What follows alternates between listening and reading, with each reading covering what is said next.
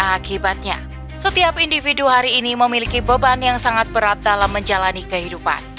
Saat usia makin menua, tak ada tabungan hari tua, tak ada jaminan negara, akhirnya hanya berharap pada anak tercinta. Hasilnya, generasi sandwich pun akan terus bermunculan. Selengkapnya, tetap di podcast Narasi Pos Media. Narasi Pos, cerdas dalam literasi media, bijak menangkap peristiwa kunci. Bersama saya Dewi Nasyak, inilah rubrik opini dengan judul Balada Generasi Sandwich oleh Kumaiza Gaza. Berbicara tentang sandwich, siapa yang tidak mengenalnya? Ya, roti berlapis daging, ditambah telur atau sayuran, dibubuhi saus dan mayones, rasanya pastilah gurih. Tapi, tidak dengan generasi sandwich yang marak akhir-akhir ini. Mereka adalah generasi yang cenderung hidupnya perih. Secara umum, generasi sandwich merupakan mereka yang berusia produktif, tetapi memiliki peran ganda, khususnya dalam menghidupi keluarga. Generasi ini harus menghidupi generasi di atasnya atau orang tua mereka, tetapi sudah memiliki keturunan yang sama-sama harus dibiayai juga. Jadilah memang tanggungannya berlapis-lapis. Dilansir dari suara.com pada 20 Juni 2022, jumlah generasi sandwich dari tahun ke tahun terus meningkat. Setiap 100 orang penduduk yang berusia produktif hari ini, setidaknya harus menanggung 17 orang penduduk lansia. Menurut Pew Research Center, pada tahun 2012 saja, sekitar 29% orang dewasa muda mulai dari usia 25 hingga 34 tahun tinggal bersama orang tua mereka. Lantas, bagaimana dengan nasib mereka? Agar permasalahan generasi sandwich ini tidak menjadi bumerang yang dapat merugikan banyak generasi di masa mendatang, tentu kita harus mengetahui akar permasalahan dan solusi menyelesaikannya. Sejatinya, tentu kita ingin hidup baik-baik saja dengan orang-orang yang kita cintai. Namun, semua permasalahan ini bermula saat beban kehidupan individu meningkat berkali-kali lipat akibat rusaknya sistem kehidupan yang diterapkan. Jadi, semuanya memang tidak datang dengan tiba-tiba. Hal ini bermula saat negara bersikap pasif terhadap pemenuhan kebutuhan pokok masyarakat. Betul, sebagai pemimpin keluarga, seorang laki-laki atau suami atau ayahlah yang memiliki kewajiban untuk memenuhi kebutuhan pokok keluarganya. Namun, negara tidak semestinya menyerahkan pemenuhan tersebut kepada individu saja. Negara harus betul-betul mampu menjamin terpenuhinya kebutuhan pokok masyarakat yang tidak dapat ditawar-tawar lagi, termasuk kebutuhan akan kesehatan, pendidikan, dan fasilitas umum lainnya. Singkatnya, kalau seorang individu kesulitan memenuhinya, maka negaralah yang harus turun tangan. Faktanya, banyak seorang ayah yang justru kesulitan untuk mencari pekerjaan. Bagi yang memiliki penghasilan, tak jarang gaji yang didapatkannya lebih kecil dari jumlah kebutuhan. Harga-harga kebutuhan pokok selalu meningkat terus. Bahan bakar minyak juga tak mau kalah, naik lagi dan lagi. Ketika keluarga sakit, makin dirasa pusing karena biaya berobat juga tinggi. Sampai muncul istilah, orang miskin tak boleh sakit. Akibatnya, setiap individu hari ini memiliki beban yang sangat berat dalam menjalani kehidupan. Saat usia makin menua, tak ada tabungan hari tua, tak ada jaminan negara, akhirnya hanya berharap pada anak tercinta. Hasilnya, generasi sandwich pun akan terus bermunculan. Tidak terbayang, memikirkan hidup sendiri saja susah, apalagi ditambah memikirkan orang-orang dalam tanggungannya. Sungguh malang nasib generasi sandwich. Di tengah abainya peran negara, sikap individualisme juga makin menguat di tengah masyarakat. Coba kita perhatikan, orang-orang saling cuek, saling fokus memikirkan nasibnya sendiri.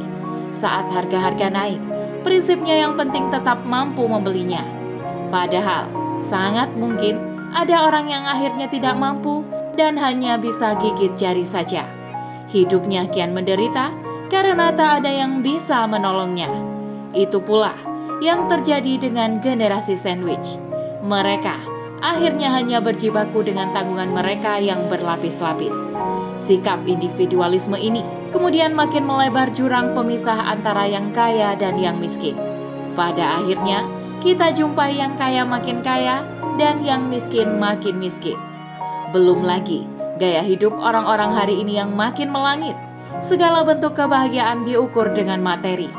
Punya follower yang banyak, barang-barang branded, cuan yang melimpah, dan banyak-banyak lagi. Di sinilah virus konsumerisme ini tak jarang menjangkiti para generasi sandwich juga. Ayolah, untuk kebutuhan pokok saja susah, tetapi malah tergiur dengan hal-hal yang tidak prioritas.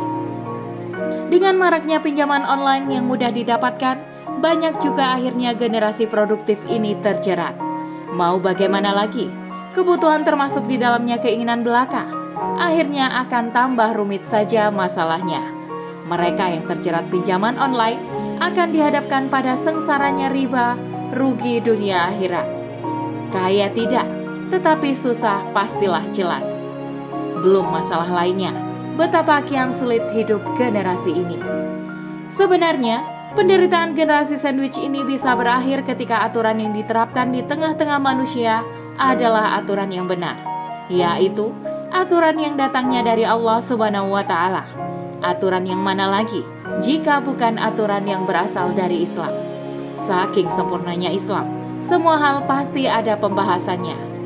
Bisa kita lihat, perkara tidur saja dalam Islam dibahas. Bagaimana adabnya, doanya, dan lain sebagainya. Jika demikian, tentu dalam jaminan pemenuhan kebutuhan pokok pasti ada aturan mainnya. Inilah hebatnya agama Islam. Pertama, Islam mewajibkan bekerja bagi seorang laki-laki yang memiliki tanggungan nafkah atas keluarganya. Dia berdosa jika hanya malas-malasan bekerja. Kalau seseorang ini tidak mampu karena tua renta, sakit atau cacat, maka kewajibannya dialihkan kepada kerabat atau mahramnya. Jadi, seorang anak laki-laki memang harus memiliki tanggung jawab kepada kedua orang tuanya jika orang tuanya tidak mampu lagi memenuhi kebutuhan pokoknya. Namun, tidak berhenti di sana. Aturan Islam juga ternyata telah mewajibkan kepada orang kaya untuk menyantuni orang-orang miskin. Rasulullah Shallallahu Alaihi Wasallam bersabda, "Tidaklah dianggap beriman kepadaku orang yang tidur dalam keadaan kenyang, sementara ia tahu tetangganya dalam keadaan kelaparan." Islam juga sangat memuji orang-orang yang gemar memberikan sedekah, infak, hadiah, wakaf, dan lain-lain. Islam tidak mengendaki keberadaan orang-orang yang individualis yang hanya mementingkan dirinya sendiri. Di dalam hadis riwayat Bukhari dan Muslim, Rasulullah SAW bersabda, "Tidaklah sempurna iman seseorang di antara kamu hingga ia mencintai saudaranya sebagaimana ia mencintai dirinya sendiri." Lantas, bagaimana jika individu atau masyarakat masih kesulitan memenuhi kebutuhan pokoknya? Dalam hal ini, maka persoalan yang tidak dapat dipecahkan harus segera diserahkan kepada negara. Jika berkaitan dengan lapangan pekerjaan, maka negara harus membuka lapangan pekerjaan seluas-luasnya. Jika masih belum terpenuhi kebutuhan seseorang, maka negara wajib menanggungnya. Begitulah luar biasanya Islam dalam berusaha menyejahterakan rakyatnya. Kesengsaraan generasi sandwich hari ini tidak akan dibiarkan dalam negara yang menerapkan aturan Islam.